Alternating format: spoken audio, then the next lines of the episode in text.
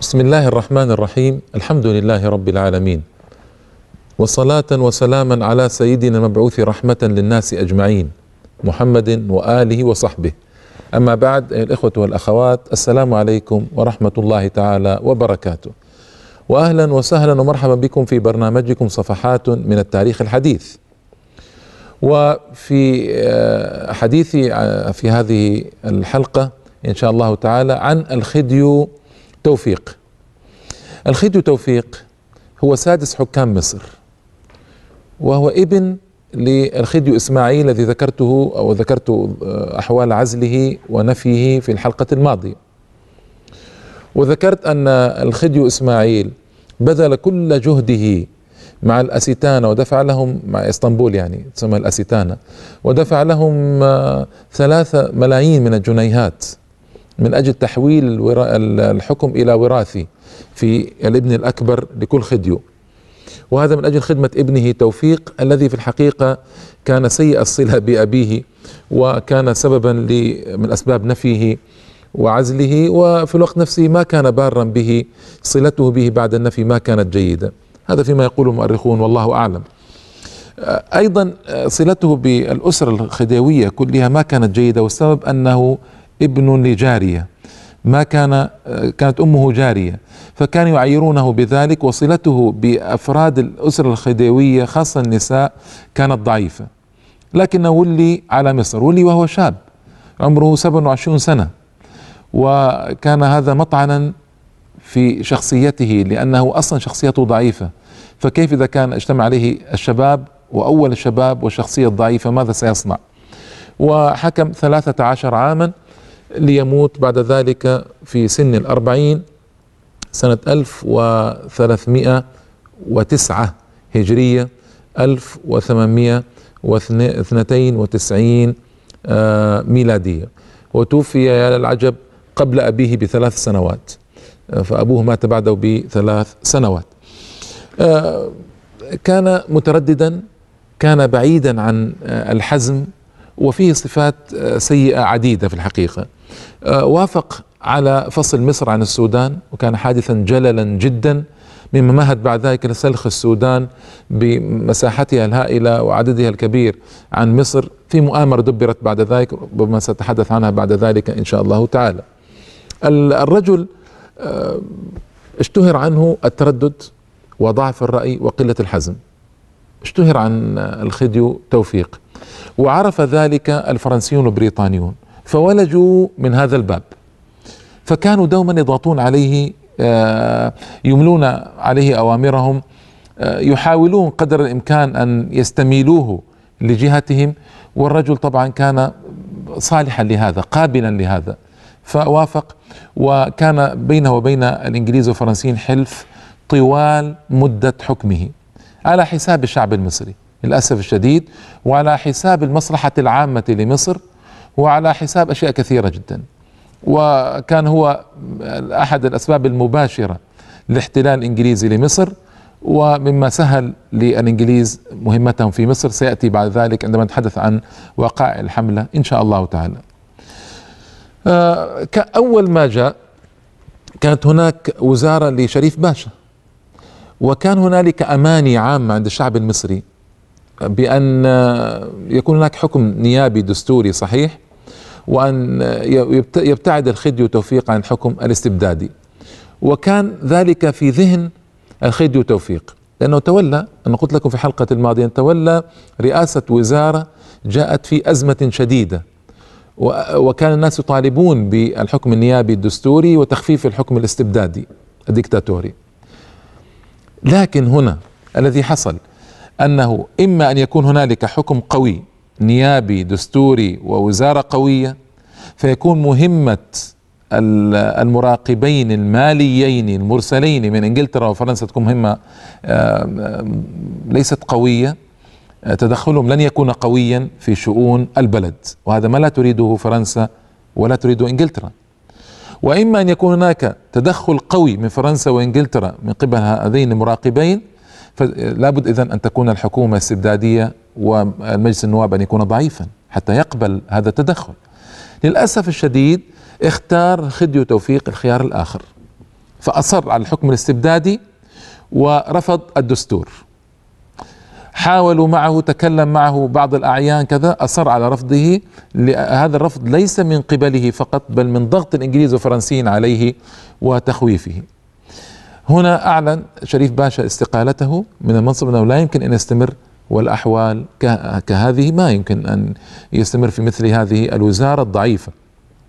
وأن هناك خلفا للوعد جرى من قبل توفيق في هذا هذا الباب وهذه القضية.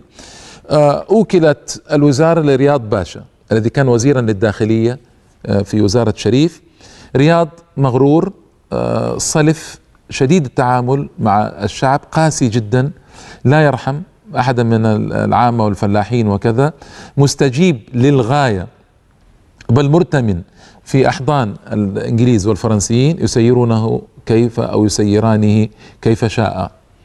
وهنا هذه المشكلة يا إخوة. عندنا يعني عندما نجد أن الوزير أو المسؤول قد ما يكون اسلاميا أو مسلما صحيح الإسلام صحيح العمل آه، صحيح التصور صحيح العقيدة ملتزم بالفرائض لكن ألا يكون كذلك وألا يكون وطنيا أيضا؟ يعني هذه صعبة جدا. فهمنا الهداية بيد الله تعالى هذا الرجل ما هداه الله تعالى باقي على بعد عن إسلامه. وهذا يمثل خللا كبيرا جدا عند أي حاكم أو مسؤول لكن إذا اجتمع مع ذلك أيضا أنه ليس بوطني وأنه ضد مصالح شعبه فحدث ساعتئذ عن المأساة والبلية كل البلية في تولية مثل هذا وهذا الذي نعاني منه كثيرا في بلاد عربية وإسلامية اليوم يكثر فيها وجود مسؤولين على هذه الشاكلة. آه، ضغط عليه الإنجليز والفرنسيون رفض أن يقبل دستور ورفض أن يقبل الحكومة الدستورية النيابية مع وجود برلمان قوي. رفض كل شيء وهذا أثار عليه الناس. أوكلت الوزارة لرياض باشا وعين مراقبان ماليان.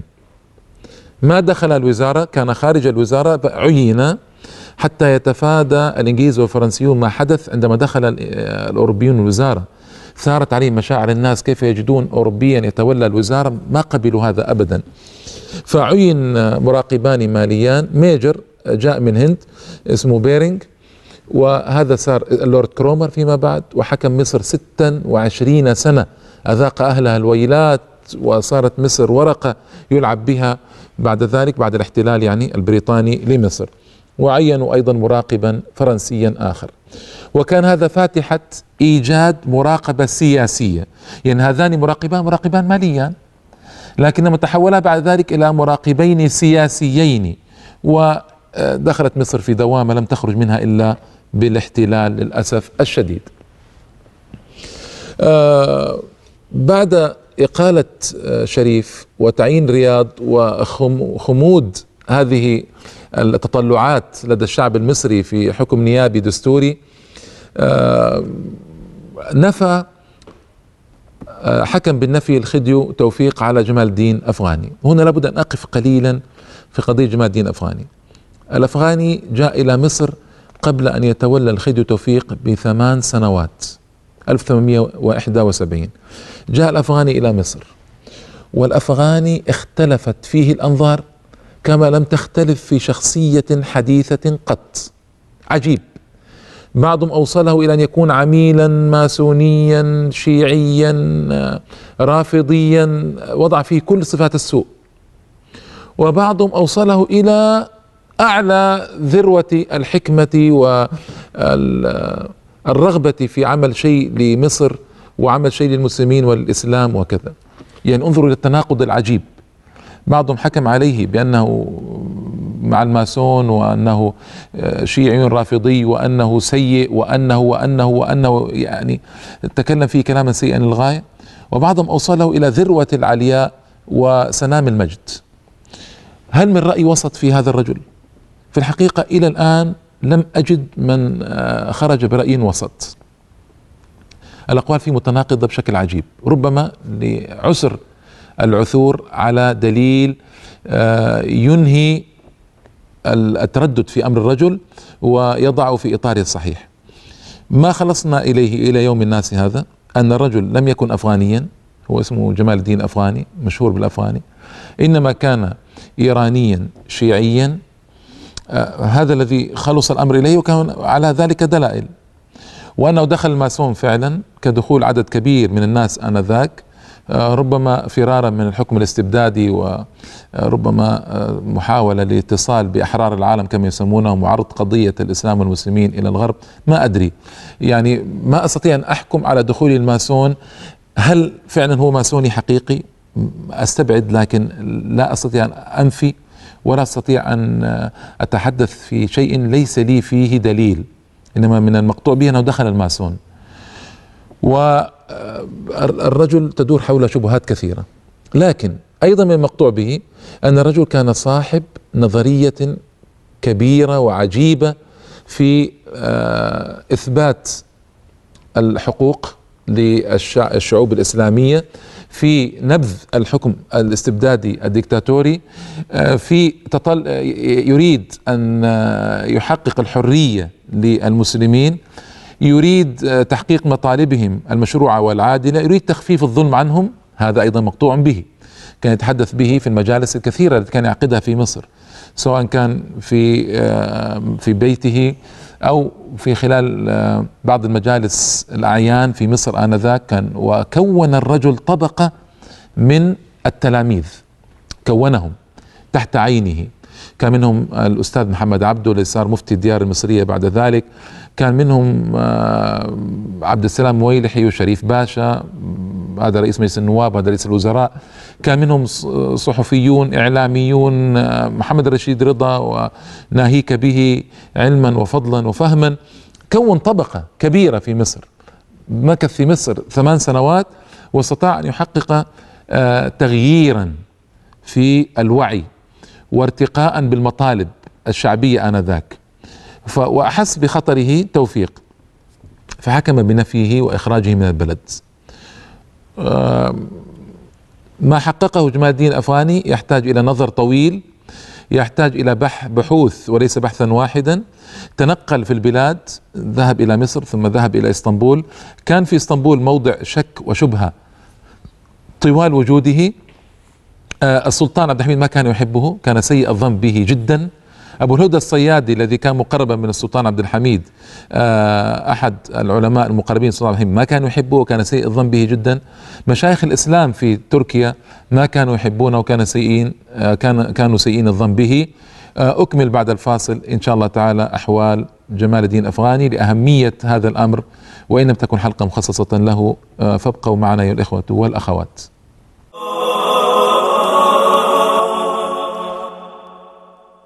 السلام عليكم مرة أخرى أيها الإخوة والأخوات بعد الفاصل.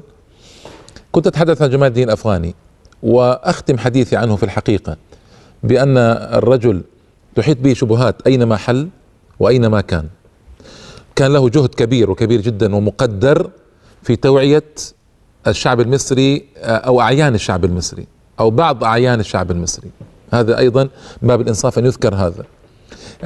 كان كلامه مؤثرا إلى الدرجة الكبيرة وكبيرة جدا. من شاء ان يعرف هذا فليرجع إلى كلام محمد عبده الأستاذ والأستاذ رشيد رضا حول آه، جمال الدين الافغاني وكان يجتمع في داره آه، النصارى ومع المسلمين ويتأثرون به تاثرا كبيرا وكبيرا جدا. الرجل كان صاحب وعي وصاحب لسان وصاحب منطق وصاحب حكمة. آه،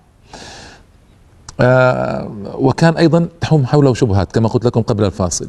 خلاصة كلامي في هذا الرجل أني لم أصل فيه إلى رأي إلى الآن ومتردد فيه إلى الغاية فالله أعلم بشأنه وليس الحديث الآن عنه لكن كان لابد من ذكر بعض ما صنعه في مصر وكيف استطاع أن يرتقي بالوعي لدى طبقات متميزة من الشعب المصري وأن يجمع حوله هذه الطبقات وبقوة جمعهم وبقوة وليس يعني عملوا ليس بالقليل أيها الإخوة والأخوات.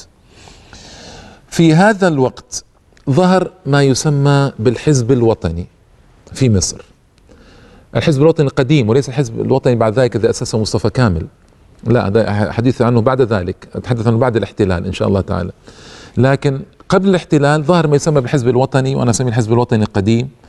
آه هذا الحزب جمع اشخاصا آه، يريدون تحقيق بعض المطالب للمصريين. يريدون إرجاع الحكم الدستوري والنيابي والتخلص من الحكم الاستبدادي وكانوا اعيانا في مصر آنذاك.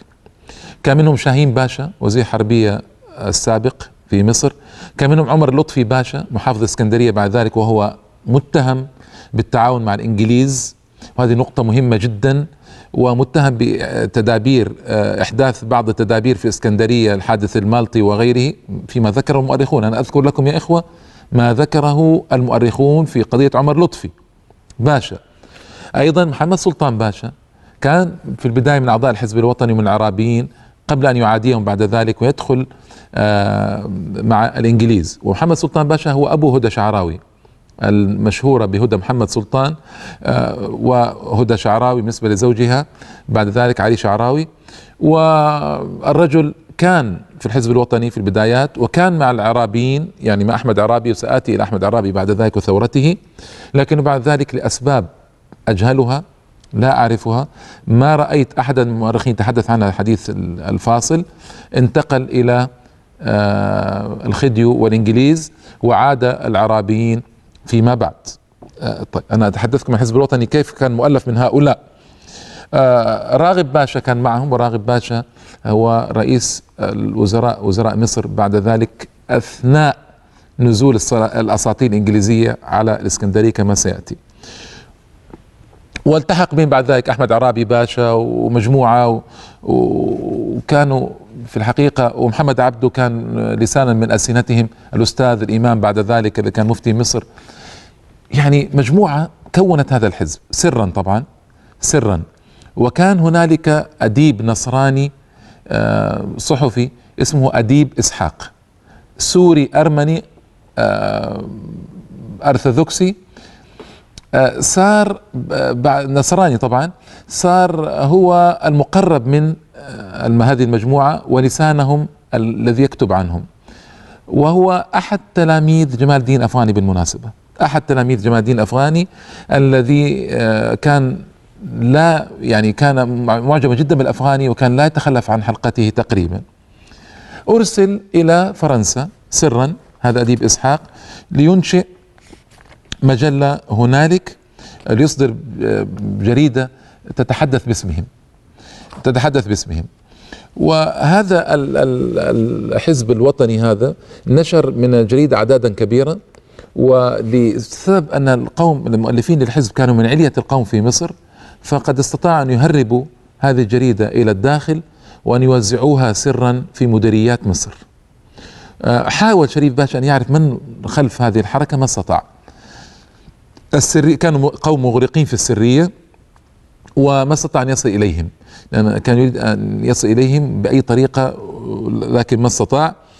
آه مما قاله الحزب في بيانه الأول الذي صدر أن يريد إنقاذ مصر من الهوة السحيقة التي تردت فيها تحت ثقل الربا والاستبداد الربا الدين الكبير الذي كان على مصر من آه، للأوروبيين وأنه يقدر أن أكثر من ستين مليون اسمعوا الرقم يا إخوة ستين مليون جنيه استولى عليها الوسطاء الماليون والصناعيون يعني الأوروبيون و60 60 مليون جنيه تعادل في قيمتها الشرائية اليوم. أكثر من 60 بليون. أكثر من 60 بليون. وأن الحكومة الحالية لا تمت إلى مصر بنسب حقيقي لأن الدول هي التي أنشأتها ولا دخل للأمة بها. يعني بريطانيا وفرنسا ضغطت على آه، الخديو إسماعيل وأخرجته وضغطت على الدولة العثمانية لتصدر آه، فرمانا بإقالة الخديو إسماعيل وتعيين الخديو توفيق مكانه. ولا دخل للأمة فيها في هذه الحكومة. ويعلن الحزب أن مصر تريد أن تتخلص من ديونها بشرط أن تتركها الدول حرة في تنفيذ الإصلاحات العاجلة. يترك هي تترك حرة تتصرف كما تشاء بدون ضغوط ومؤامرات وكيد.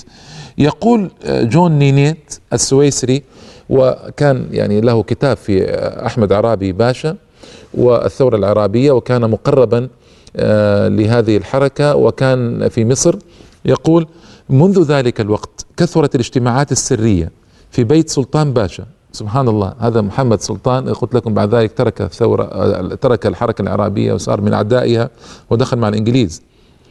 في غفلة يعني الاجتماعات السرية هذه كانت في غفلة عن عيون رياض رئيس الوزراء وجواسيسه. وقد حدث بين سلطان باشا وعرابي أحمد عرابي بعد ذلك باشا الذي صار وزير حربية وصار الثورة الكبيرة باسمه بعد الثورة العربية على إثر دخل الإنجليز إلى مصر. وعبد العال أحد العسكريين يعني وعلي فهمي أيضا عسكري ومحمود سامي محمود سامي البارودي سيأتي الحديث عنه بالتفصيل. وسليمان أباظة مدير الشرقية أنا قلت لكم مصر مقسم إلى مديريات. فسليمان أباظة باشا كان مدير الشرقية وحسن الشريعي باشا مدير المنيا. ومحمود فهمي وطائفة من الوطنيين تحالف على تنظيم خطة للحزب الوطني الذي كانوا يمثلونه. وكان المقصود بانضمام المديرين هؤلاء إلى الحزب الوطني جعل الرئاسة العليا على اتصال تام بالمناطق الزراعية. مديريات مديريات زراعية. فلما يكونون على اتصال بالمديريات الزراعية من خلال المديرين يستطيعون الوصول إلى الفلاحين. وكان من الضروري الاستعداد عاجلا لاستقالة رياض. لأن استقالة رياض باشا رئيس الوزراء آنذاك كانت يعني آه ظاهرة وكانت متوقعة. فكانوا يدون التحرك آه قبل أن يستقيل رياض باشا ليرتبوا أمورهم.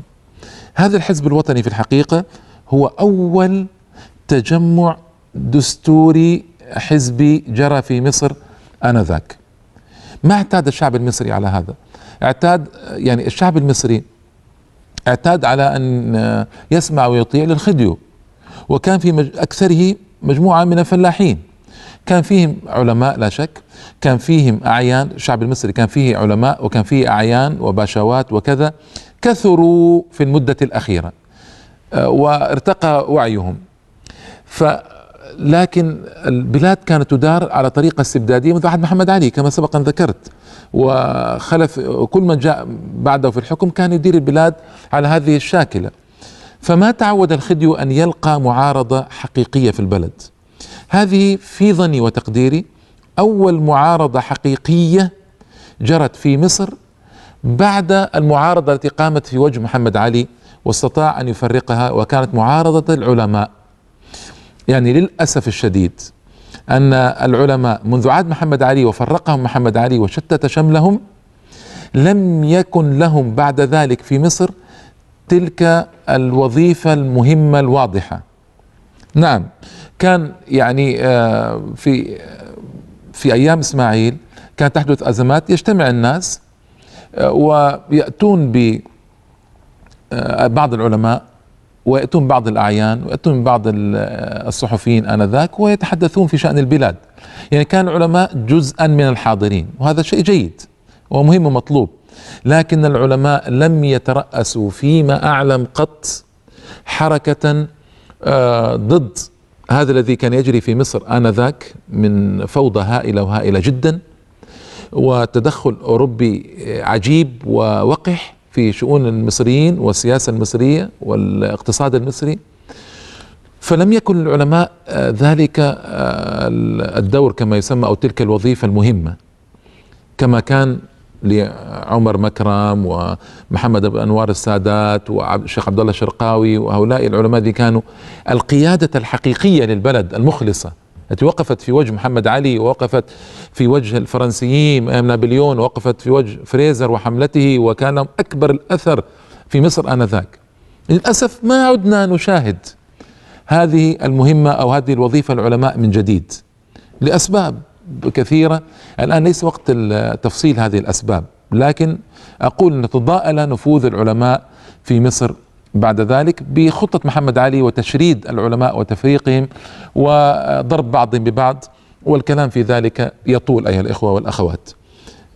لكن على الأقل نقول أن العلماء كانوا جزءا من ال ال الوضع آنذاك. ثم بعد سنوات تبخر تبخرت كل جهود العلماء في المشاركة وصار ما صار ما سأذكره إن شاء الله تعالى. إذا هذا الحزب الوطني القديم الذي كون كان بدايات بدايات الحركة والعمل المنظم الدستوري النيابي الحقيقي في مصر وكان له لسان وهو أستاذ أديب إسحاق والشيخ الإمام محمد عبده الذي كان الوحيد فيما اعلم من العلماء الذي له صلة قوية بماجريات الأحداث بعد نفي جمال الدين الأفغاني وسآتي على ذلك كله إن شاء الله تعالى في الحلقات القادمة. المخرج أشار بانتهاء الوقت. فإلى اللقاء والسلام عليكم ورحمة الله تعالى وبركاته.